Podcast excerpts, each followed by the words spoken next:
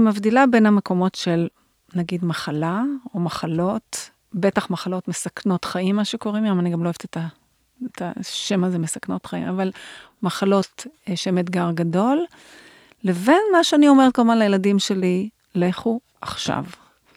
לכו עכשיו, כאילו, לכולנו יש מה לנקות, לכולנו יש במה לטפל.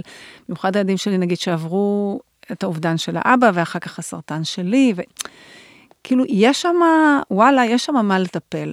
לכו עכשיו, למה אתם מחכים עם זה? בואו תפתחו לעצמכם את החיים, תנקו לכם, יהיה לכם הרבה יותר קל אחר כך.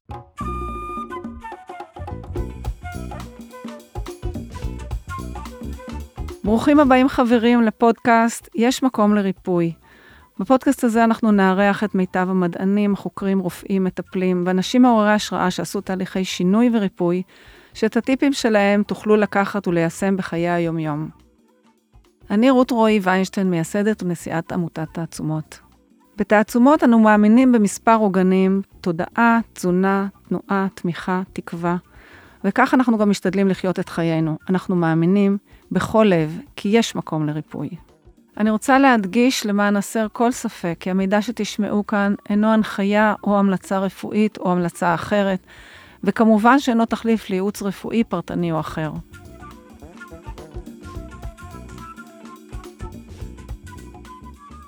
והיום אני מאוד מאוד שמחה להזמין חברה, אה, את ג'ון ג'ייקובס, שהיא מטפלת רגשית ותיקה ומנוסה מאוד, יש לה כבר 35 שנה ניסיון וותק. אה, אפשר לומר על ג'ון שהיא אול אין בתחום. היא לימדה 20 שנה בבית ספר למדעי הבריאות באוניברסיטת בן גוריון. היא עשר שנים כבר מרכזת את מגמת גוף נפש במכללת אדר לרפואה משלימה. היא הפיקה שני כנסים אינטרנטיים בינלאומיים בנושא טיפולים לא, רעילים, לא רעילים בסרטן, ואו-טו-טו היא גם זוכה בחגורה שחורה שנקראת טאי טייקוונדו, שרק היום שמעתי על הדבר הזה ואני כבר נראה לי הולכת ללמוד את זה, ג'ון, בהשראתך. אה, ששתינו הגענו למסקנה שזה חשוב מאוד לתרגול נחישות וחוסן אה, נפשי ופיזי. אז אה, ג'ון, שאלה, האם באמת חשיבה חיובית ועבודה על רגשות מקדמת ריפוי? איך רגשות שליליים משפיעים עלינו ועל בריאותנו? בנוסף למהות, לחשיבות ולמשמעות הרבה שיש לטיפול הרגשי, שעל זה נרחיב ג'ון ואני, באיזון חיינו ובתהליך הריפוי, ובעיניי לא רק בתהליך הריפוי, אנחנו הרי כולנו בדרך של ריפוי כל הזמן. לא צריך להיות חולה בשביל לעשות תהליך רגשי.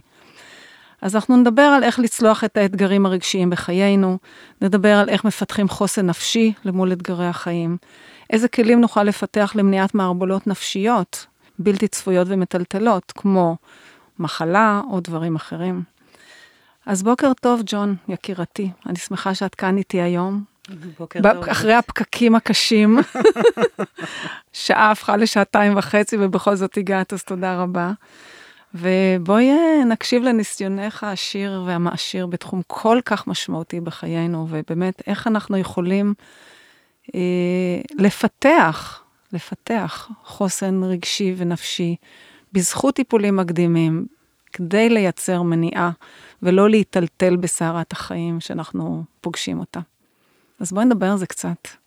אז אני אתחיל מהשאלה שהעלית uh, בהקדמה.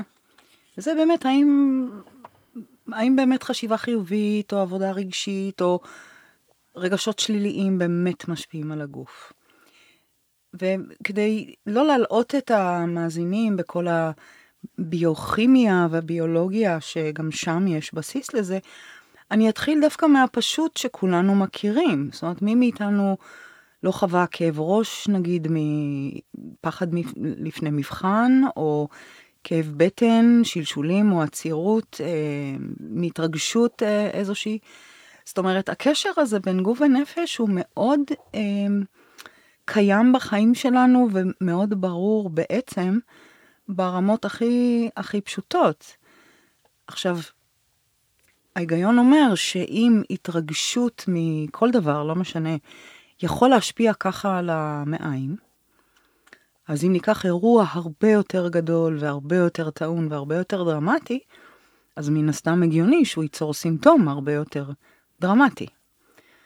אבל על אותו משקל אני בטוחה המאזינים יסכימו שההיגיון אומר שאם הכאב בטן הזה הוא מהתרגשות, אם אני אפתור את ההתרגשות, או אני אוריד את הסטרס סביב אותו אירוע, המעיים יירגעו. אותו היגיון אומר שאם יש לי מחלה גדולה, והיא קשורה לאירוע רגשי דרמטי, אם אני אפתור את האירוע הדרמטי, ככל שיהיה דרמטי, יש לזה השפעה מיידית על הגוף. לגמרי. ואני חייבת לשתף אותך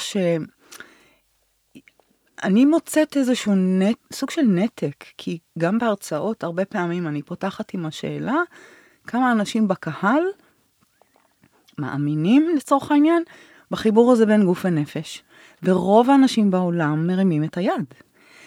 ואז אני שואלת, כמה מכם בפעם האחרונה שכאב לכם משהו בגוף או הרגשתם לא טוב, שאלתם את עצמכם מה עובר עליכם או מה עבר עליכם רגשית? ואולי שניים, שלושה, אולי, ירימו mm. באולם.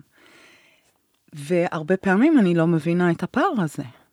זאת אומרת, אם אנחנו מסכימים שהשניים האלה מחוברים, בקשר מאוד הדוק וישיר, ראינו את זה בהתרגשות, מה, למה בעצם ההיגיון נקטע כשזה מגיע למחלות יותר גדולות, כשההיגיון הביולוגי אותו, אותו, אותו היגיון.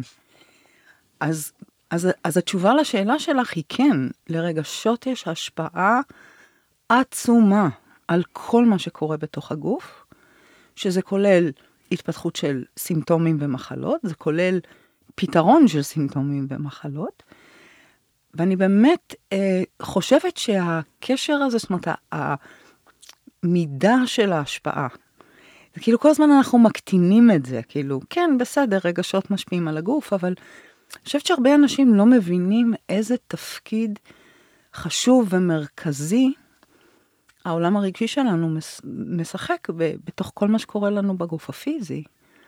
וחבל שכך. נכון, אני חושבת שזה מפתח מאוד מאוד משמעותי. אני יכולה להגיד לך, מניסיון אישי, שכשאני פגשתי את הסרטן, זה היה גם לפני 18 שנה, זה היה שנה אחרי שהבעל שלי, אבינועם, עזב את העולם, והרופאים אמרו, אה, זה בכלל לא מפליא.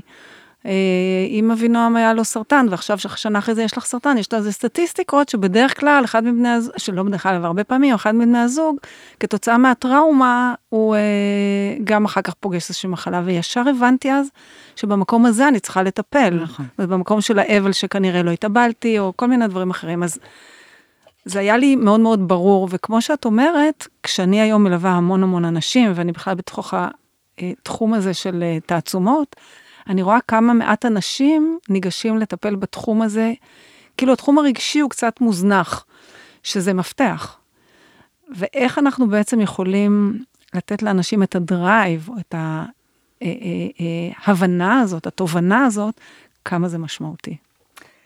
אז אני יכולה לשתף בניסיון שלי, אני חושבת שאחד הדברים הוא חוסר, חוסר מודעות וחוסר ידע ואם אתה לא יודע על משהו שהוא אפשרי, או שהוא קיים, או שהוא רלוונטי, אז אתה לא תיגש אליו. אבל טענה נוספת שאני פוגשת, זה שיותר קל לקחת כדורים, או לקחת תרופות, מאשר לרפא את החיים שלך. ואני זוכרת לפני שנים, הייתה לי תוכנית רדיו בכל אמריקה, ובין היתר ראיינתי את uh, ברני סיגו. את דוקטור ברני סיגו, mm-hmm. ו- ודיברנו על העניין הזה, והוא אמר, אני מסכים איתך שזה אולי נשמע מטורף, אבל, אבל כן, רוב האנשים יותר קל להם לקום בבוקר ולקחת כדורים. מאשר להתחיל להתמודד עם המערכות יחסים שלהם, ו- נכון. ולרפא את החיים שלהם אה, בעצם. ואני חשבתי הרבה על האמירה הזאת, וקצת קשה לי להבין אותה, כאילו, אני יכולה להבין אותה כשמדובר בכדורים, נגיד שבן אדם לוקח בפה. להגיד שכימותרפיה או הקרנות יותר קל מלרפא את החיים שלך? כן, וגם זה לא משנה כי זה זמני בכל מקרה, אם אתה לא מרפא את החיים, זה חוזר, נכון. זה לא משנה, זה כאילו... נכון, אבל אם אנחנו מדברים על מה יותר הדבר. קל, אני לא יודעת, גם אם, זאת אומרת, אני לשמחתי לא עברתי את זה, אבל אני רואה מה עוברים המטופלים שלי, ואני אני לא מצליחה להבין את ההשוואה הזאת בכלל. ואני אומרת, כל הסוג של טרטור במרכאות, והבדיקות, ולהזריק חומרים כל הזמן, והתופעות לוואי, וההשלכות ארוכות טווח, אני אומרת, באמת, זה יותר קל, אבל יש לאנשים, אולי זה פחד, פחד, זה יושב על פחד. באמת לפגוש את השדים שלהם. ועוד אני יכולה לשתף אה, אותך ואת המאזינים שלאחרונה הייתה סדרה אה, שהפיקה איזושהי חוקרת מהרווארד, שדווקא הלכה לחקור את הריפואים יוצאי הדופן. והיא ניסתה להבין מה מאפיין את האנשים האלה, והיא הגיעה לעשר נקודות, או תשעת עשרה תשעת תחומיים. המפתחות להחלמה, את מדברת על היא- זה? לא, אני? מדברת על אה, סדרה דוקומנטרית, שהביאו 21 סיפורים של אנשים במצבים, חלקם סופנים. שלחו את אחד האנשים הביתה עם סרטן כבד, אה, אי ספיקת כליות ואי ספיקת לב. הבן אדם החלים. אז היא, היא ניסתה להוציא מתוך כל המקרים האלה מה. עשרת המאפיינים בדיוק. ומה שמדהים, זה חמישה מתוכם עוסקים בעולם הפנימי. לא מפליא אותי. ויש שם אה, איזשהו פרופיל אישיותי של האנשים האלה בעיניי, שלגמרי קשור בכוחות הפנימיים ובחוסן ובעמוד נכון. שדרה, ו... ואנשים היו מוכנים לעשות, לעשות הכל, הכל. גם בתחום הרגשי. כן. וכל אחד סיפר את הסיפור שלו, והיו שם אנשים שבאמת באו מסיפורים קשים, הייתה חבילה גדולה להתמודד איתה, שום דבר לא הרתיע אותם. כי כוחות החיים הם מאוד מאוד חזקים. נכון. וברגע שאדם אומר, כן, אבל זה יהיה לי קשה, וזה לא נוח, ו... אז את מבינה כן, שזה חסר, שמשהו שם בפנים לא, לא מספיק כן. נחוש. נכון. ואני חושבת שלרפא את החיים זה אולי אחת המתנות הגדולות. לא אחת, שאנחנו- המתנה. כי זה מפתח להכל. ואני אומרת, אוקיי, אז, אז יהיו קטעים לא נוחים. גם ככה יש קטעים לא נוחים. גם בלא להתמודד עם זה יש קטעים לא נוחים, זה לא משנה, אי אפשר לברוח מזה. אז אני, אני לא תמיד מרגישה שאני באמת מבינה את ההיגיון הזה. למרות שמאוד ברור לי שזה ההיגיון בחוץ. הכי הגיוני. כאילו, הרווח. כן, אני מסכימה איתך, מאוד, מאוד. אני גם, אני, אני חושבת שגם כשאני עשיתי את הדרך בעצמי, גם כשאני רואה את הילדים שלי למשל, שזה ממש קשה לי, שאני יודעת, כאילו אני רואה וזה כל כך ברור לי, ועדיין הם ככה הודפים את המקום הזה, אני אומרת, אוקיי, זאת הדרך שלהם ואני משחררת, אבל אני יודעת שזה מפתח מאוד משמעותי לכל מה שנעשה בחיים, זה לא רק בקונטקסט של ריפוי, נכון. זה. בכל דבר. נכון. ו... וכן, וזה גם לי כואב הלב שזה מפוספס אצל הרבה אנשים, אבל את יודעת, איש איש ודרכו, אמא שלי הייתה אומרת. נכון. וגם אולי משהו כן, אה, ככה לציין אותו כדי לעשות אה, איזשהו סדר, זה שהרבה אנשים חוששים ממה שאנחנו קוראים לקיחת אחריות. נכון. קח אחריות על החיים שלך, קח אחריות על הבריאות שלך. ואני חושבת שחלק מהעניין זה בלבול בין אחריות ואשמה. וכנראה שלחלק מהאנשים יותר קל שמישהו אחר מקבל החלטות, כי אז אם משהו יוצא פחות מוצלח, אז, אז יש את זה מי לא- להאשים, לא. זה לא אני. כן. ואני יכולה לשתף שכשאני הגעתי לחומרים האלה והתחלתי גם ללמוד אותם וגם לבדוק אותם על עצמי, אני ראיתי בדיוק את ההפך. אמרתי, מדהים, כי אם אני יכולה להיות אחראית, ואני יכולה לקבל את ההחלטות, ואני יכולה לבדוק את הנתונים, ואני לא תלויה באנשים אחרים שיחליטו עליי, זה היה בעיניי. איזה וואו ממש ענק. וגם מבחינתי אין כישלון. אם משהו לא הצליח, אז כנראה שיש דרך אחרת, אני צריכה לחפש אותה. אז אני בכלל לא, לא חוויתי שום סוג של הקשר של אשמה, ורק כשהתחלתי לעבוד עם אנשים, פגשתי את זה. וכל הזמן ניסיתי להסביר שזה בדיוק הפוך, זה משחרר, זה נותן אוטונומיה, זה נותן עצמאות. אני לא בטוחה שהצלחתי. אני. מניסיוני, אני, אני יודעת בדיוק על מה את מדברת ואני מאוד מסכימה איתך. אה, אני חושבת שבאמת כל אחד, איך גרשום, הפרופסור שהקים איתי את העמותה, פרופסור גרשום זייצ'יק היה אומר, רות, את צריכה להבין, כל אחד נולד עם שריר אחר. לך יש שריר של נחישות מאוד מאוד חזק וכוח חיים מאוד חזק. יש כאלה שאין להם את זה. כי האכזבה שלי כל פעם שהייתי מלווה אנשים והם כאילו לא היו מוכנים לוותר סתם, נגיד על אה, הקרואסון והקפה, ולאכול חסה, אבל הם ילכו לכימותרפיה, כל מיני, בניואנסים האלה של האורח חיים וזה, ולא יכולתי להבין את זה, והוא אמר, את לא יכולה להבין את זה, זה שריר אחר. ואני יודעת היום, מתוך ה... אולי מאות אנשים שאני כבר מלווה, שככה זה. אה, אני חושבת שכן אפשר לפתח את זה אם אתה רוצה, אם יש לך את המקום של התשוקה הזאת, להיות בריא, או לחיות אחרת, או לעשות שינוי. גם, את יודעת, לפני פודקאסט הקודם דיברתי עם דבורי על בכלל, איך עושים שינוי, שאנחנו נדבר על זה, זה אישו. אה, וסתם, בתור דוגמה עכשיו, חבר שלי לפני שבועיים נתפס לו הגב, והוא אמר, טוב, אני אקרא ל... יש לי חבר, מנהל מחלקה אורתופדית וזה, אני אקח זריקה. אמרתי לו, לא, חכה רגע עם הזריקה, אני רוצה להקריא, לקחתי את לואיזה, ואמרתי לו, אני רוצה להקריא לך מה ההקשר של, ה... של אה, גב תפוס, אה, גב תחתון תפוס עם... ושלחתי לו את זה, ולמחרת שאלתי אותו, נו, לקחת את הזריקה? אז הוא אומר, כן. ואז הבנתי, זה אחרי כל ההסבר שלי וזה, ואחרי כל מה שהוא ראה וזה, אמרתי, כן, יותר נוח לקחת זריקה, ולחשוב שאוקיי, שמתי את זה בצד, זה בסדר, אבל זה עוד פעם יבוא, זאת אומרת, זה ברור לי. לגמרי, וגם אי אפשר להתעלם מההתניות התרבותיות. יש משהו בתפיסה של רופאים שהוא מאוד מאוד מאוד מאוד מושרש, ורוב האנשים, אם קורה משהו, קודם ילכו לרופא. נכון. עכשיו, אני חייבת להודות, אני לא יודעת מי מקשיב לפודקאסט הזה, אבל מבחינתי, רופא, זה בסוף, בסוף, בסוף, אם אין ברירה, בסכנת חיים בלבד, אוקיי? אז כאילו ההיגיון הוא הפוך. עכשיו, יכול להיות שיעניין את המאזינים לשמוע שאני באה מבית של רופאים. כן, אני יודעת, שזה כן? מדהים. זאת אומרת אולי בזכות זה שאת באה מבית של אולי, רופאים. אבל כאילו אם מישהו יתחנך על זה שרופאים, רופאים, רופאים, זאת אני. וזה לא שאני קוראת לאנשים לא ללכת לרופאים. נכון, זה לא שם. אבל צריך לזכור שהיום יש הרבה דרכים להגיע לרומא, והרבה גישות. ואני חושבת שלטובתנו להישאר פתוחים ולבדוק נכון. את כל האפשרויות. נכון. ואני לא בטוחה שאנשים בודקים מספיק. כאילו, יש איזה אוטומט כזה של הולכים לרופא ועושים מה שהוא אומר, שזה אחלה, אבל מה בנוסף, מה מעבר, במיוחד בתחומים שרופאים לא לומדים אותם. נכון, נכון. אז אם לחזור לדוגמה שלך, לסרטן שלך, שאמרו, אה, כן, זה בטח הטראומה, אז אוקיי. מה הלאה? ומה עושים עם זה?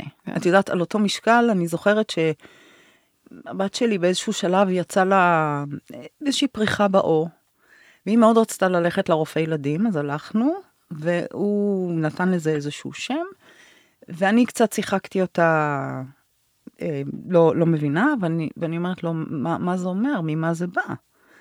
אז הוא אומר, מעצבים, מכעסים. אמרתי לו, רגע, רגע, רגע. אז למה, לקח, למה לשים את המשחה שאתה מציע? למה לא לשלוח אותה לסדנה לניהול כעסים? אז היא נתנה לי את המרפק בצלעות שאני, שאני אה, אשתוק. אבל... אבל ככה זה. אבל ככה זה, זה ההיגיון שלי. אני אומרת, אוקיי, אם זה בא נכון. מכעסים, בוא נטפל בכעסים. לגמרי. והם שניהם הסתכלו עליי כזה, כאילו, את יודעת.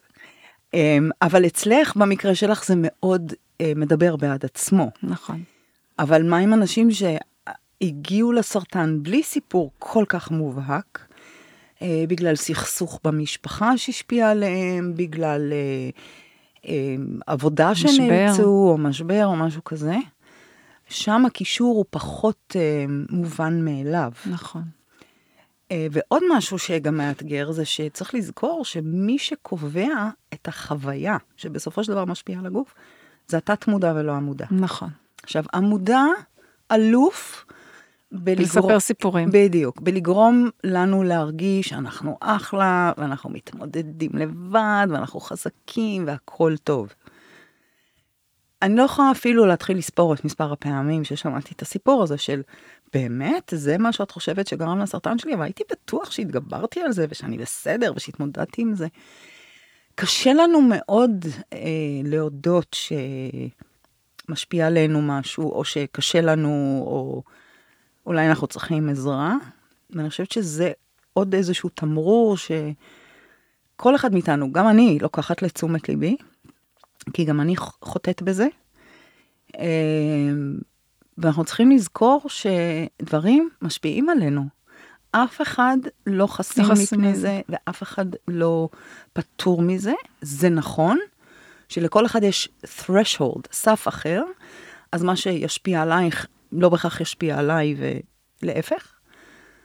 אבל uh, לחשוב שקורה משהו דרמטי, ואנחנו... שאנחנו עמידים בפני כל... לגמרי. אני חושבת שאולי אפילו, uh, אני יכולה לראות, נגיד, הרבה בסדנאות של תעצומות, שיש גם אחוז הרבה יותר גדול של נשים מאשר גברים, זאת אומרת, נשים מוכנות להודות יותר מהר, יותר מהר לטפל, או פתוחות, מאשר גברים. עכשיו אנחנו רוצות, רוצים לפתוח קבוצה בתעצומות של גברים, שבאמת, אתה רואה כמה בצל... צריך לקלף, עוד בטח הגברים הישראלים לדעתי עוד יותר אה, מצ'ואיסטים, ומה בסופו של דבר מתגלה שם אה, אחרי שאתה מקלף את זה, אפרוח אה, קטן זקוק, את יודעת, וכאילו המקום הזה הוא מקום שהוא כל כך משמעותי לריפוי. כן. כן, אני כן מסכימה איתך, גם אצלי בקליניקה, אני עובדת 35 שנה, יש רוב נשי דומיננטי. מובהק. כן. זה לא שלא מגיעים גברים בכלל, אבל בהחלט במספרים אה, יותר נמוכים. אמ, אבל גם הגברים שמגיעים הם נחלקים. יש כאלה שמגיעים עם מודעות מאוד גבוהה, אה, ומאוד מחוברים לרגשות שלהם, ומתוך המקום הזה פנו לטיפול רגשי. ויש גם את הקשוחים יותר, או את הנוקשים יותר, או יותר עטופים בשכבות, שאז הרבה פעמים הם מגיעים לא בדיוק מיוזמתם. Mm-hmm. שלחו אותם, הפנו כן. אותם, המליצו להם, והם ככה קצת אה, לא מוצאים את עצמם בהתחלה בטיפול, וזה לא קל להם, אבל צריך להתחיל איפשהו. לגמרי. אני חושבת שאולי בואי נתחיל באמת ל... ל... באמת ניתן קצת יותר בסיס מה זה טיפול רגשי, מה זה אומר. אוקיי? Okay. אוקיי? Okay? כשניתן את הבסיס של הבסיס.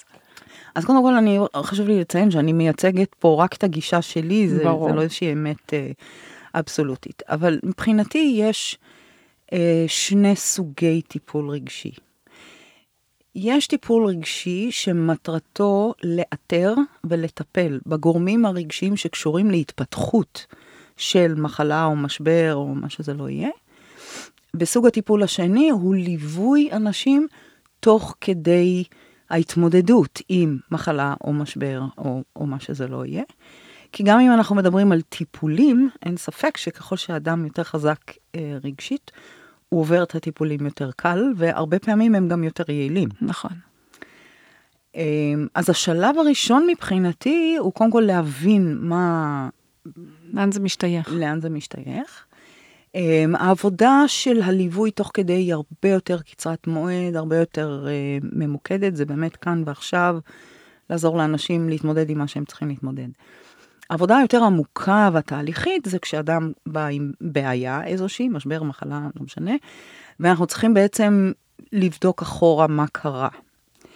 Um, אז מבחינתי, בסוג הזה של הטיפול, השלב הראשון הוא בכלל לעשות סדר בנתונים.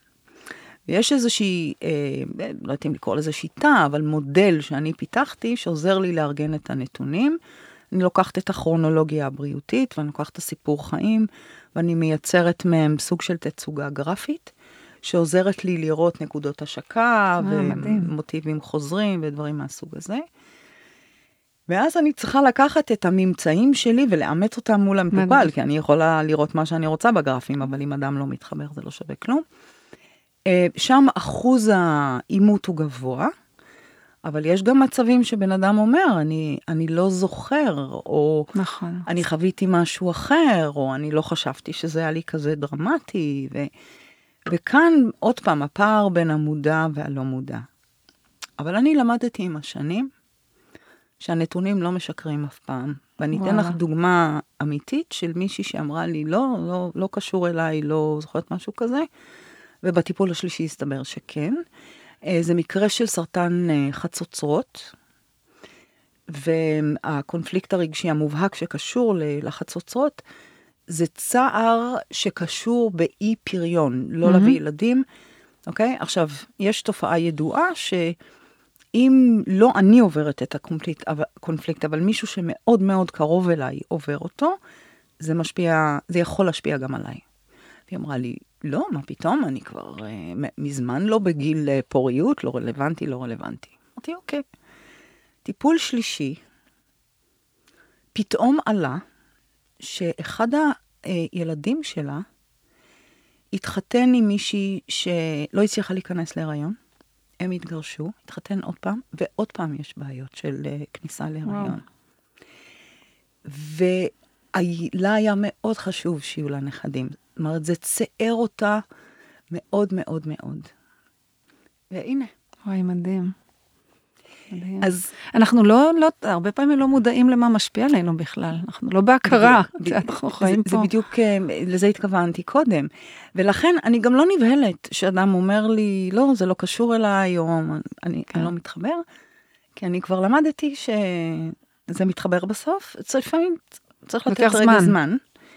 אבל זה, אני זוכרת את הטיפול הזה, זה היה כזה, אהה, וואו, כאילו, היא, היא בכלל שכחה מזה. וגם לא תיאר על עצמה ש... כאילו, זה לא אישיו שלה, זה, זה אישיו של, של הילד. וזה היה העניין. מדהים. אז תגידי, אה, כש, את יודעת, כשנכנסת הנה דיברנו על זה שעשית סקר קטן אה, אה, בין החבר'ה שלך, ותספרי לזה קצת, כי באמת זה קצת טלטל אותי עכשיו מה שסיפרת, אה, מהמקום של, וואו, הרי יש כל כך הרבה ספרי גוף נפש היום בשוק, והמון המון מתורגם, ויש היום את כל ה... את האינטרנט, ואת כל הרשתות, וכאילו, וואלה, זה כבר בחוץ, זה לא מה שנגיד אני הייתי עם הסרטן לפני 18 שנה, לא ממש דיברו על זה. אבל עכשיו זה כבר uh, מאוד מאוד, ועדיין, עדיין אנשים לא... את יודעת, כאילו, אוקיי. אז לא רק אני אתן לזה. את, את הקונטקסט. אמ, אני פעם בשנה מעבירה קורס הכשרת מטפלים, זה הסיום קורס, הם בסוף הקורס, יש להם התנסות מעשית, שזה אומר שהם עובדים טיפולית עם אנשים אמיתיים שהם מתנדבים. ואתמול סיימנו, ובמשוב הוספתי שאלת סקר, כי סקרן אותי, הרי כל האנשים שהגיעו אלינו כמתנדבים, היו להם בעיות אמיתיות, ולפחות 50% מהם בעיות גופניות. אז סקרן אותי למה הם לא הלכו לטיפול כזה לפני כן? ואני רגע שמה בצד שזו הייתה מתנה, וכאילו כן. אני שמה רגע בצד את העניין הכלכלי. והתשובות באמת הפתיעו אותי.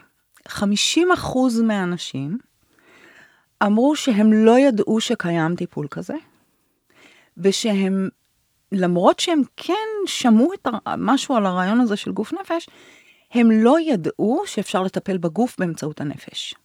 לא, תקשיבי, זה הזיה. מדהים. 50% מהאנשים אמרו שהם לא הגיעו לטיפול כזה, כי הם כל כך מוצפים במידע. הם הגיעו מאיזושהי קבוצה בפייסבוק שעוסקת ברוחניות, אז יש שם הרבה... מלל. מלל ודיבור על uh, כל מיני uh, כיוונים כאלה. אז הם אמרו, מרוב שאנשים, uh, זה עושה את זה וזה עושה את זה וזה עושה את זה, לא ידעתי בעצם למי לפנות. עכשיו, אני חייבת להגיד שבהתנסות המעשית הזאת, היו לנו משהו כמו ארבעה או חמישה אנשים עם בעיות משמעותיות שהלכו לטיפולים אחרים. שום טיפול אחר לא עזר להם. ואצלנו תוך שבועיים או שלושה הם קיבלו שיפור משמעותי. לדוגמה, בחורה בת 18 וחצי עם הרטבת לילה, וואו, ששום דבר לא עזר לה. ועם פרחי באך, שבועיים, ההרטבה הפסיקה, אוקיי? אמ, היה לנו איש עם פיברומיאלגיה, שגם ניסה דיקור, ניסה כל מיני דברים, אנשים מנסים. שום דבר לא עזר לו כמו שהטיפול הזה עזר לו. אנשים עם כל מיני כאבים גופניים על רקע אובדן, על רקע כל, כל מיני דברים. שיפורים מדהימים בארבעה שבועות של התנסות מעשית. ואנשים אמרו, אנחנו לא ידענו. איך? איך זה יכול להיות? אז שאלתי, איפה אתם מחפשים מידע? אז אחד מהם אמר, זה היה רעיון נחמד, הוא אמר, אני בבוקר תמיד נוסע בפקקים, אני מקשיב לרדיו, אז, אז אולי ברדיו או באיזשהו, את יודעת, כמו פודקאסט, כמו כן. שאנחנו עושות, שאני יכול להקשיב תוך כדי, ואנשים דיברו על הרשתות החברתיות. אבל מי כמוך יודעת, אני חמש שנים מאוד פעילה ברשתות וכותבת כל הזמן, והאי ידיעה הזאת, האמת, הפתיעה אותי. מאוד. אז אמרתי, לא יודעת, או שאני משהו לא מעבירה באיזה- נכון. לא מעבירה נכון, או חיה באיזה בועה איפשהו. אמ, או שאולי במקרה נפלנו על אנשים שבאמת לא, לא היה להם אה, חשיפה לזה. אני לא יודעת להגיד לך בדיוק, אבל זה מאוד אה, הפתיע אותי. אני מסכימה איתך. תראי, חלק מה, ממה שעושים בתעצומות באמת זה ל, ל, להנחות אנשים, במיוחד בליווי האינטגרטיבי, להנחות אנשים ללכת לטיפולים רגשיים ולקבל מלווה אישי. ו, ואני זוכרת שכשהתחלנו תעצומות, גרשום, הפרופסור, היה אומר, בכנסים וזה, הוא היה אומר, דבר ראשון, תסירו את הערפל מהדרך. לכו לטיפולים, תנקו את כל הרגשות האלה בשביל להבין בכלל, להתחיל בכלל איזשהו תהליך ריפוי. והוא ממש אמר את זה כאילו בתור תנאי.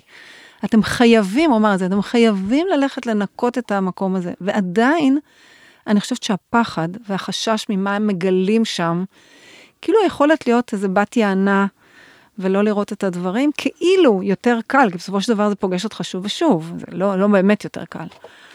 אבל זה כאילו יותר קל להדוף את זה ולהגיד, אוקיי, אה, מתישהו, אולי אני צריך להתחמק מזה. תראי, אני, אני מסכימה איתך לגמרי, אני תכף אחזור לזה, אבל אני רק רוצה להגיד שאני חושבת שכמו שיש אנשים שאולי לא שמעו על זה, אני כן חושבת שיש היום בעיה מאוד אמיתית של עודף מידע. אני חושבת שאדם, שלא משנה מה הוא מחפש האמת, לא רק בנושא של בריאות, נכנס לאינטרנט כן. לצורך העניין, צולל אה, אין סוף. זה באמת אי אפשר נכון, לדעת נכון. מה נכון, מה לא נכון, נכון. כל אחד אומר משהו אחר. נכון. קחי רק את התחום של התזונה.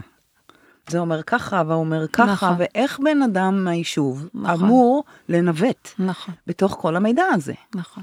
ואני גם מקבלת לא מעט סיפורים על אנשים שהיו בטיפולים, ואת יודעת, כל הטווח, יצאו מתוסכלים, יצאו מאוכזבים, לא עזר, כן עזר. היו לי מקרים של אנשים שהלכו למטפלים שהם טוענים, שוב, את יודעת, מאוד בזהירות צריך להתייחס לזה, ניצלו אותם, כל מיני סיפורים. זאת אומרת שכשאדם מגיע אליי, הרבה פעמים אני צריכה גם להתמודד עם איזה קיר כן. של חשדנות וספקנות, ושהם בכלל קשורים לניסיון עבר. שלו. אבל אני מאוד מבינה את זה. נכון, כי לא משנה מה הוא עשה, אם הוא נפגע, נכון. אז הוא פעם הבאה... בחשדן. הוא חשדן. נכון, נכון. כן.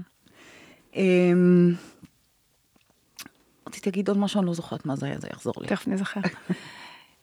אז תגידי, אוקיי, יש, אני, אני מבדילה בין המקומות של נגיד מחלה או מחלות, בטח מחלות מסכנות חיים, מה שקוראים להם, אני גם לא אוהבת את, ה, את השם הזה מסכנות חיים, אבל מחלות אה, שהן אתגר גדול, לבין מה שאני אומרת כמובן לילדים שלי, לכו עכשיו.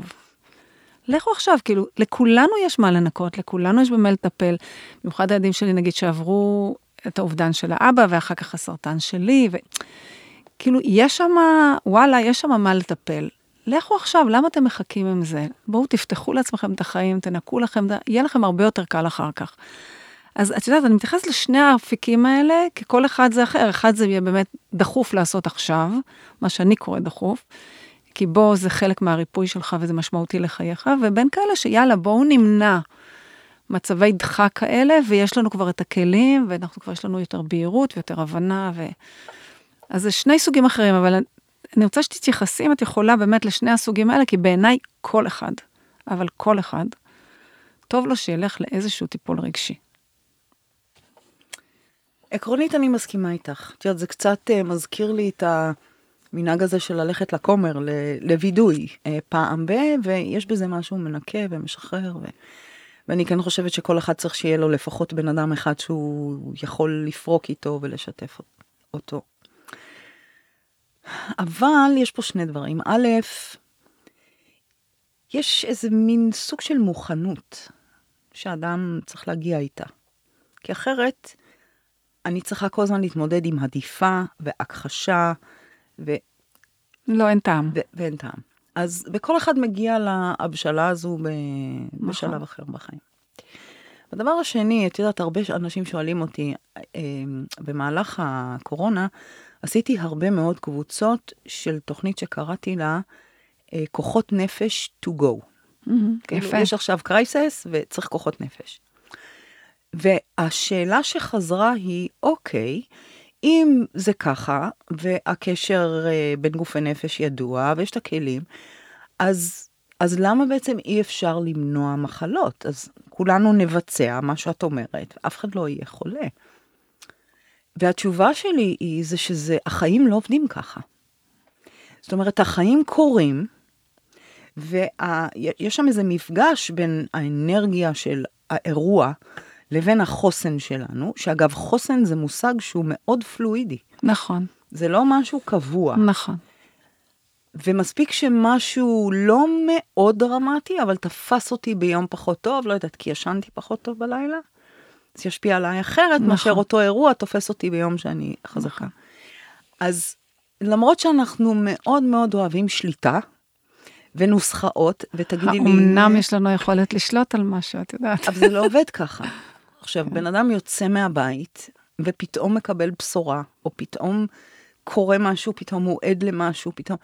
זה לא דברים שאנחנו יכולים... מתכננים. בדיוק, לתכנן, וגם לא בדיוק להיערך. נכון. אבל אין ספק שככל שאדם, אה, ככל שלאדם יש חוסן יותר חזק בבסיס, ויש לו כלים, כלי התמודדות יותר טובים, הריבאונדים הם יותר טובים. נכון, לגמרי. ושם המניעה. נכון.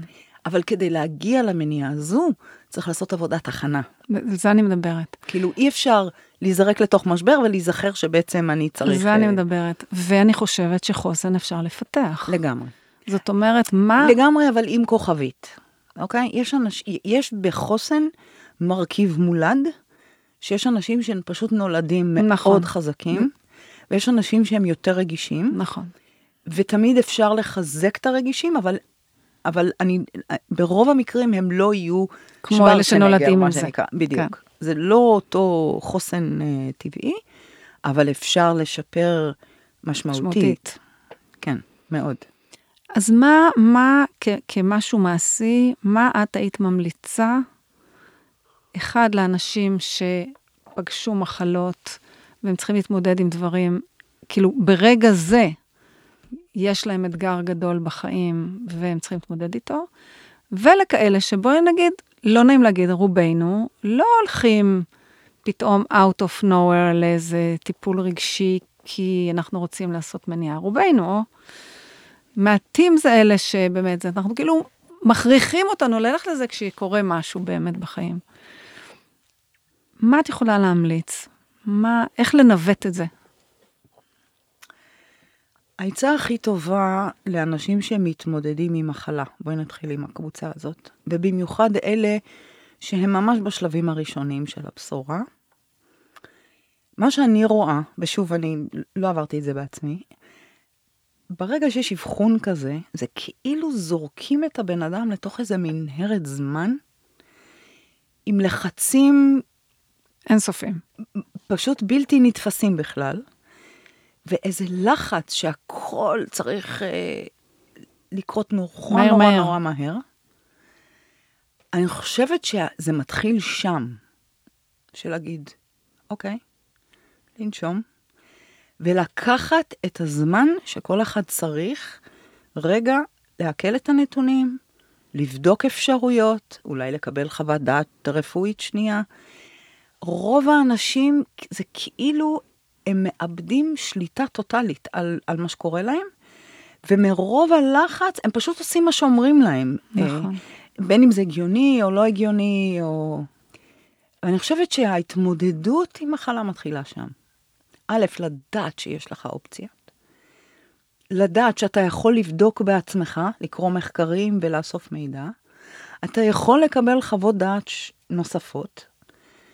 ושנייה, רגע לעצור. לעצור ולקחת את הזמן ואת המרחב. המחלה היא שלי. נכון. המחלה היא שלי... את יודעת, אני אשתף את המאזינים בסדרה הזו שסיפרתי לך עליה, אמ, ודיברו על לקיחת אחריות וכולי וכולי, ואחד המשתתפים, הסיפורים, אני לא זוכרת עכשיו איזה, עם איזה מחלה הוא התמודד, אבל הוא סיפר שהייתה איזו סיטואציה של פגישה עם הצוות הרפואי, שעתיים ניסו לשכנע אותו לעשות מה שהם חשבו שהוא צריך לעשות. הוא נתן להם לדבר, הוא היה מנומס, וכשזה הסתיים הוא אמר, הספינה הזאת היא שלי, אני מחליט. זה מה שקרה לי בול. אתם מייעצים. ואני לא מקבל את הייעוץ שלכם. וקם ויצא מהחדר. זה מה שאני עשיתי. עכשיו, ריאלית, אני לא בטוחה שכל אחד יכול... זה צריך הרבה אומץ. זה אומץ, וזה עמוד נכון, שדרה, כן. וגם הוא בדק, הוא חקר, זאת אומרת, הוא לא אמר את כן. זה משום מקום. אבל יש שם צומת, שאו שאתה לוקח פיקוד על הסיטואציה. ואגב, אה, יש מחקר אה, של אחד הרופאים שלדעתי עבדו עם תעצומות, וואו, ברח לי השם שלו. מפרנקל? אני חושבת שפרנקל, כן, שהם גם אה, בדקו את הפרופיל של אנשים שמחלימים ממצבים אה, קיצוניים, וגם שם, נכון. יש אישיות חזקה. הוא, הם קראו לזה, זה, זה הפציינט אה, קוץ בתחת. נכון. אני חושבת שהם אמרו... שהרופאים לא אוהבים אותו. שהרופאים לא אוהבים אותו, כי יש לו מלא שאלות, ויש לו דעות משלו. וזה- וספקנות. וספקנות, וזה בדיוק זה. אז יש שם בצומת של האבחון, זה כאילו, או שאתה לוקח פיקוד על הספינה שלך, הגוף שלך, או שאתה בעצם מאבד את ה... מתמסר באופן מוחלט. ו- ופשוט יעבירו אותך בתוך כן, המנהרה. אבל מאוד מאוד קשה במצב כזה שאתה מבוהל אימים, נכון. לקחת פיקוד. אני זוכרת שאני יצאתי מהאונקולוגית החמישית, שאמרה לי את אותו דבר כמו אלה לפניה, ואמרתי לה, זאת לא הדרך שלי. אז היא אמרה, אז מה הדרך שלך? לאכול חסה? אמרתי לה, אולי. אבל את יודעת, יצאתי והייתי מאוד מאוד מבוהלת, זה לא שהייתי מבוהלת, ובמיוחד שנה אחרי שאבינועם עזב את העולם, זה כאילו היה מאוד מאוד מטלטל, אבל היה משהו בפנים שלי שיכולתי להקשיב לו ולהגיד, האם זאת הדרך שלך כן או לא? עכשיו, אני, מתי אתה יודע שזאת הדרך שלך כן או לא? אתה לא יודע. אם אתה הולך ככה, או אתה הולך ככה, אתה לא באמת יודע, אתה הולך. אני חושבת שבזכות האמונה שלי, שבאמת שלי ובמה שהפנים שלי מדבר, אז אני הלכתי, אמרתי, אוקיי, מה שיהיה יהיה, אני הולכת בהתמסרות מלאה, ומה שיהיה יהיה, אבל זה באמת מאוד מאוד אמיץ. היום בדיעבד, אני חושבת שזה היה נורא אמיץ, אני פשוט הייתי נורא מבוהלת מהדרך שאבינועם עשה, אז לא הייתה, לא הייתה לי שום אופציה מבחינתי. Mm-hmm. והיו לי הורים שמאוד מאוד גיבו אותי, והיו איתי, והכל אמרו לי, מה שתבחרי, אנחנו איתך, אבל זה באמת, כשאתה חושב על זה בדיעבד, זה וואו, כאילו, כן. להגיד לחמישה פרופסורים, ולפעמים זה מתחיל מזה שאתה קודם כל יודע מה לא. נכון, אצלי זה התחיל ואז אתה ממה עושה לא. אלימינציה. נכון. זה אני נכון. לא עושה. נכון. אוקיי, עכשיו צריך לחפש מה מה כן. נכון. אמ, וכן, אני, אני בהחלט חושבת שאתגר גדול זה באמת עם מי להתייעץ על הדרך האחרת, ושוב, העודף מידע.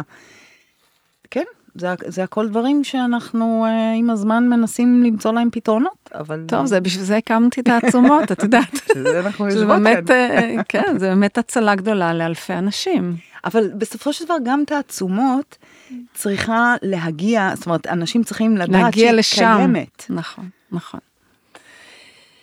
אה, אז איך מפתחים חוסן נפשי בעינייך? מה, מה נדרש אם אנחנו רוצים לכמת את זה למשהו קצת יותר מעשי? אז קודם כל יש סוגים שונים של חוסן. יש חוסן גופני, יש חוסן רגשי, יש חוסן קהילתי, נכון. אה, יש חוסן כלכלי, זאת אומרת, יש סוגים שונים של חוסן. אמ, מבחינה גופנית, חוסן, אני חושבת ששני הדברים הכי הכי חשובים זה תזונה בספורט. אמ, ספורט, את יודעת, אפשר לעשות סדרת פוס, פודקאסטים רק על היתרונות של ספורט. נכון. הרבה מעבר למה שרוב האנשים חושבים, כולל יתרונות רגשיים, כי בזמן ספורט מופרשים אה, ביוכימיקלים, אני תמיד יוצאת מאימון ואומרת, אוח, אני מלאה בכיף. בכימיקלים שמחים. כן. אני אומרת, כל, כל תא בגוף שלי שמח. כן, זה, זה, זה ממש זה. אבל גם הבנייה של שרירים ועבודת כוח וגמישות, יש לזה הכל השפעה ישירה על מערכת החיסון. נכון. אמ, וגם על המערכת הרגשית. וגם על המערכת הרגשית. אני בחמש שנים האחרונות מצאתי עולם ומלואו בתחום של אה, אומנויות לחימה. כל הגודל שלי והגיל שלי. אמ, דווקא עכשיו, אם לא עכשיו, ומתי, את יודעת. זה בערך היה ככה. אני לא תיארתי לעצמי איך זה הולך לשנות לי את החיים. אני לא תיארתי לעצמי שזה יפגיש אותי עם חלקים בעצמי שלא היו יצא לי. לפגוש אה, קודם.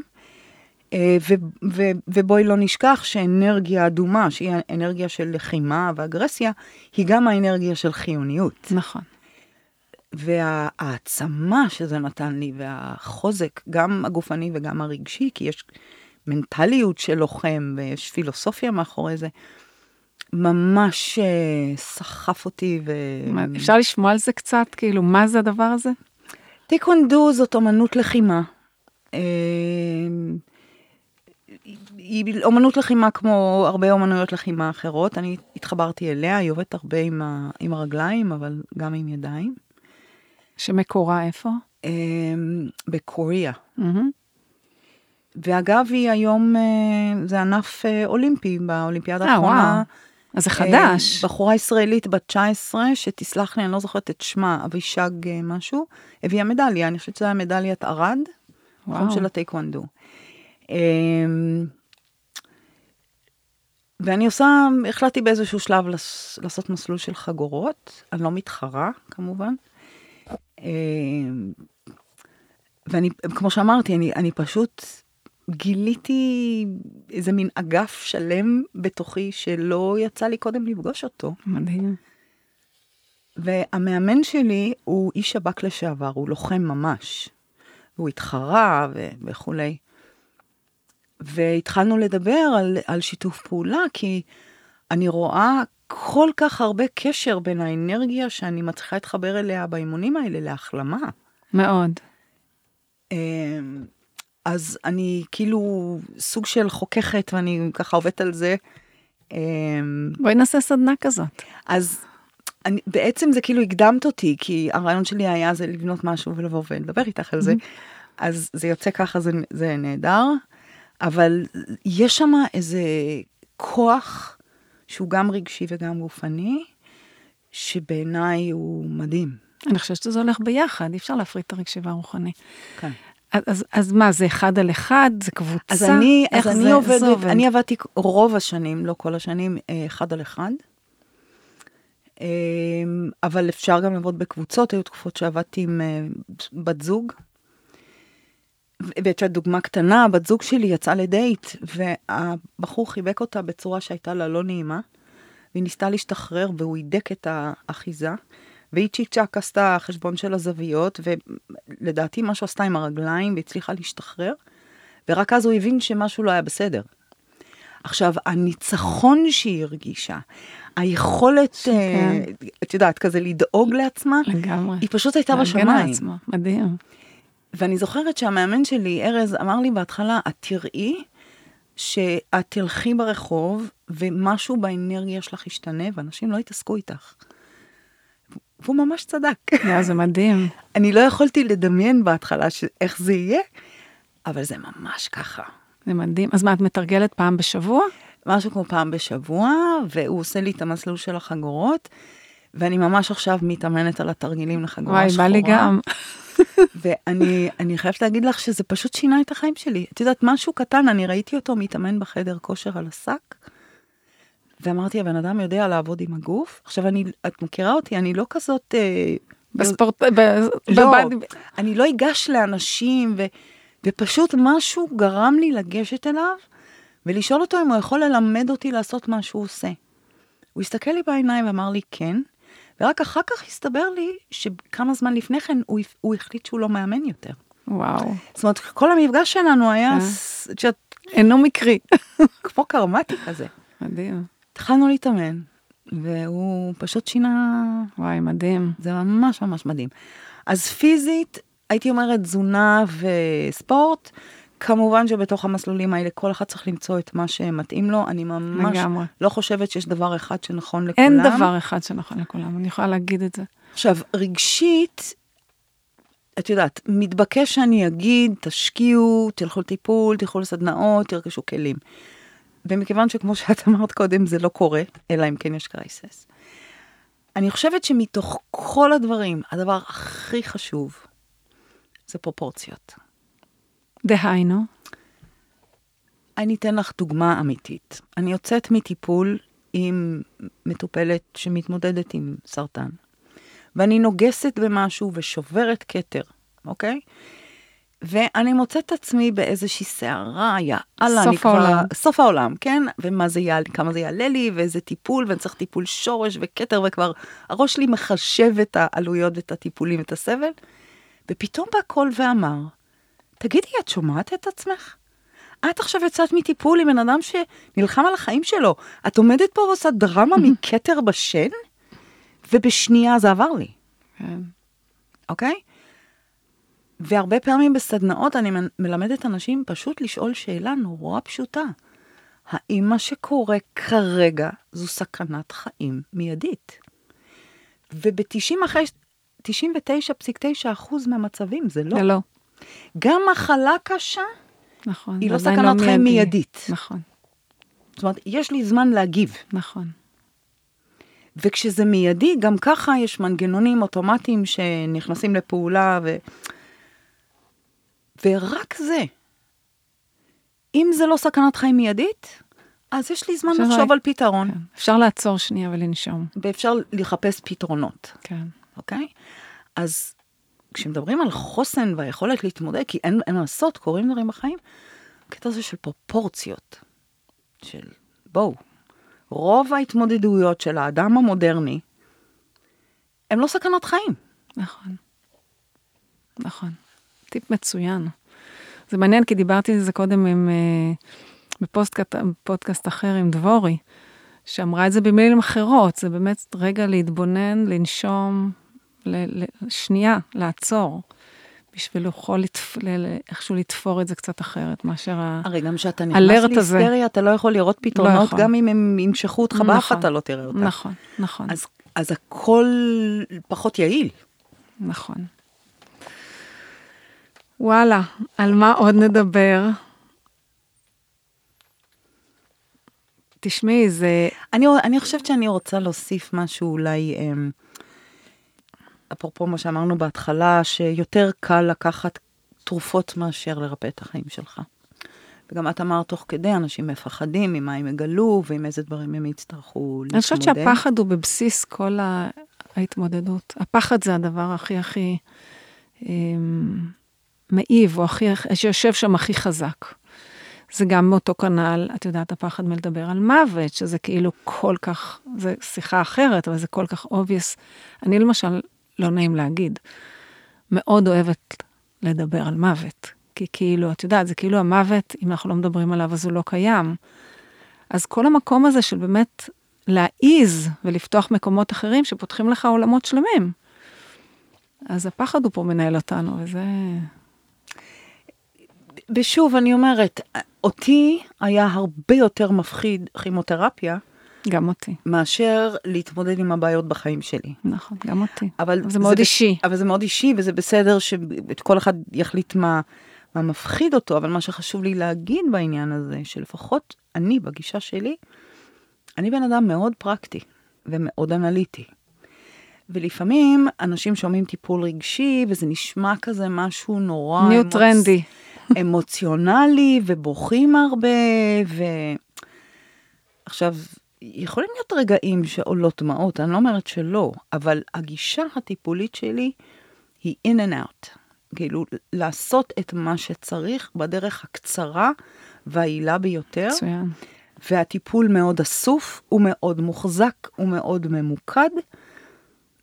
ואומנם אני לא יכולה לדבר בשם המטופלים שלי, אבל לא עושה לי רושם שהם סובלים. נכון, אנשים צריכים להתמודד, יש לפעמים דברים להתמודד איתם, ולפעמים צריך לעזוב מהם מערכת יחסים שהיא לא בריאה, ולפעמים צריך לעשות שינויים, וזה לא קל. אבל אני, אני מאוד אה, מבינה את האי רצון להתבוסס בדברים סתם. גם אני לא אוהבת את זה. גם אני לא. וגם מאוד ברור לי שכשאנשים מגיעים גם לטיפול רגשי, יש איזושהי בעיה שהם רוצים לפתור. רוב האנשים, בשונה ממה שהצעת, לא מגיעים לטיפול רגשי ובואו נחקור את עולמנו הפנימי, זה לא ככה. נכון. אז גם בתחום הרגשי יש נתונים ואפשר לעבוד ממוקד. אני לפעמים קוראת לזה גישת הטכנאי, במובן החיובי של אוקיי, צריך לארגן עיתונים, צריך לראות מה הדברים שצריך לטפל בהם, וש... וצריך לטפל בהם בדרך הקצרה והממוקדת והיעילה ביותר. אני מאוד מאמינה בזה. אני גם חושבת שאנשים לאורך זמן, זה מפסיק להיות יעיל. כאילו, אם אתה נמרח עם זה יותר ויותר, זה מפסיק, זה מתפורר. כאילו, זה, ברגע שזה ממוקד, וזה מעשי, גם זה צריך להיות מעשי. כן. אז אה, וואו, איזה כיף להיות איתך, ג'ון, ממש. תשמעי, נושא כל כך משמעותי בחיי כולנו, זה כאילו, אני מרגישה שרק צריך להדהד את זה עוד ועוד ועוד, כדי שאנשים באמת יבינו את החשיבות של הדבר הזה, ואיזה מפתח שיכול לשחרר אותם מכל כך הרבה אה, תחושות לא נעימות ומצבים בחיים לא נעימים. זה כאילו, נראה לי ה basic של ה basic, את יודעת. זה מאוד basic, אבל זה גם מאוד basic במנגנון ההדחקה וההכחשה נכון, שלנו. נכון. אמ, אני חושבת שמה שחשוב אה, שאנשים ייקחו מהפודקאסט הזה, זה לא רק החשיבות של העולם הרגשי, אלא שאפשר להשפיע על הגוף באמצעות טיפול ברגש, ושטיפול ברגש יכול להיות ממש כיף, נכון. ומשחרר, ו... אה, בו גילויים, ויש בו העצמה, ויש בו חיזוק. ברור. אני לא יודעת אם זה כזה ברור לכולם, כי יש אנשים שפוחדים להגיע, כי חושבים שזה יהיה נורא קשה וסבל ו... לא, גם יכול להיות שזה כמו שאמרת קודם, שיש תקופה ששם יש סבל, היא נקודתית, אבל אחרי שאתה פותח, זה כמו, את יודעת, זה כמו מורסה. בפצע, אז יש מוגלה, ברגע שאתה פותח את זה, הפצע נרפא, זה... זה... אני לא חושבת שאי פעם היה לי מטופל שסבל, את יודעת, זו מילה קצת קשה לי. Um, היו אנשים שהתמודדו עם דברים קשים, שזה אוקיי, בסדר, אבל אם, הבאת, אם השתמשת בדימוי של המורסה, בעיניי יותר כואב כשהמורסה סגורה לא, והיא לגמרי, מבושלת. לגמרי. ברגע שהיא נפתחה, נפתחת אז אין. אז זה פחות כואב. יש ריפוי. וצ'יק צ'אק מנקים את המוגלה ונגמר. נכון, נכון. אז uh, הסבל הגדול הוא כשהכול סגור בפנים, נכון, ואנחנו נכון. מתבשלים עם זה. נכון, נכון. ועוד עצה לאנשים זה מבלי לפקפק ביכולת של אף אחד, ומבלי לערער את הביטחון של אף אחד, המודע שלנו מתעתע בנו כל הזמן. וגם אני הרבה פעמים חוטאת בעניין הזה של לחשוב שאני מסתדרת והכל בסדר. ו... כולנו אותו דבר, זה בסדר. וזה לא, וזה לא. אבל אם אתה מתעורר לזה שזה לא כשאתה עם סרטן לבלב, או אתה מתעורר לזה שיש לך, לא יודעת, כאב גב, או... זה שונה. משהו אחר, נכון. אז אני, מאז, כאילו, מהניסיון של שנים, אני מעדיפה להניח שאני לא בסדר. לא כי אני חושבת שאני לא בסדר, או כי אני לא מסוגלת, או אין לי יכולות, זה לא מערער לי את הביטחון בעצמי. אבל אני מעדיפה לתקשר את מה שמטריד אותי למישהו אחר, ש... את יודעת, כל מיני הם, הם, אמצעים וכלים פשוטים של לא ליפול בפח שהמודע טומן לי, ואני, נכון. הוא טומן, כי זה העבודה שלו. אני חושבת שהתת מודע הוא באמת מאוד מאוד מתעתע, והעניין הוא באמת להסכים לעבוד מול מישהו, כי אתה בעצמך עם עצמך אה, יכול להתבלבל מאוד מאוד בקלות. מאוד בקלות. אז הבאדי הזה שיש, את יודעת, אני אפילו לא אוהבת גם את המושגים של מטפל ומטופל. את יודעת שאתה, יש לך באדי שיכול לשקף לך את המציאות שלך בעיניים קצת אחרות, אז אתה יכול לעשות עבודה אחרת. נכון. וואי, אז תודה רבה רבה, ואיך אפשר להגיע אלייך? אה, מלא דרכים. אה, הטלפון במשרד זה 052 352 3160 ויש שם בחורה בשם גל, שהיא תשמח לתת פרטים. בת שלי קוראים לה גל. יש לי אתר uh, www.חיבורים, h-i-b-u-r-i-m, נקודה org. יש לי עמוד בפייסבוק, שאני כותבת uh, פעמיים שלוש בשבוע, שנקרא ג'ון ג'ייקובס טיפול רגשי, משהו כזה. Um, זה, זה הייתי אומרת שלוש הדרכים יפה. המרכזיות, וכמובן אה, דרך תעצומות. ברור. אז זהו, וגם אלינו בתעצומות אפשר להגיע דרך האתר, אתם תמצאו שם הרבה מאוד חומרים, סדנאות, פעילויות, זומים חינם, אינפורמציה, אם תירשמו לדף הנחיתה, תקבלו גם מדריך חינמי על כל מה שאנחנו מדברים, על התזונה, תודעה, תנועה, שזה באמת מרכיבים מאוד מאוד משמעותיים בחיים שלנו, ואני מדגישה, לא צריך להיות חולים כדי לממש את הדברים האלה, ממש לא, אני מציעה לפני. וכמובן, דרך היוטיוב וכל האמצעים של הפייסבוק והוואטסאפים וכל מה שאתם מכירים. ואנחנו נתראה פה בפודקאסט הבא, ותודה רבה רבה, ג'ון, ועכשיו נלך לאכול משהו, מה דעתך? ללא גלוטן. תודה רבה. תודה רבה. תודה רבה.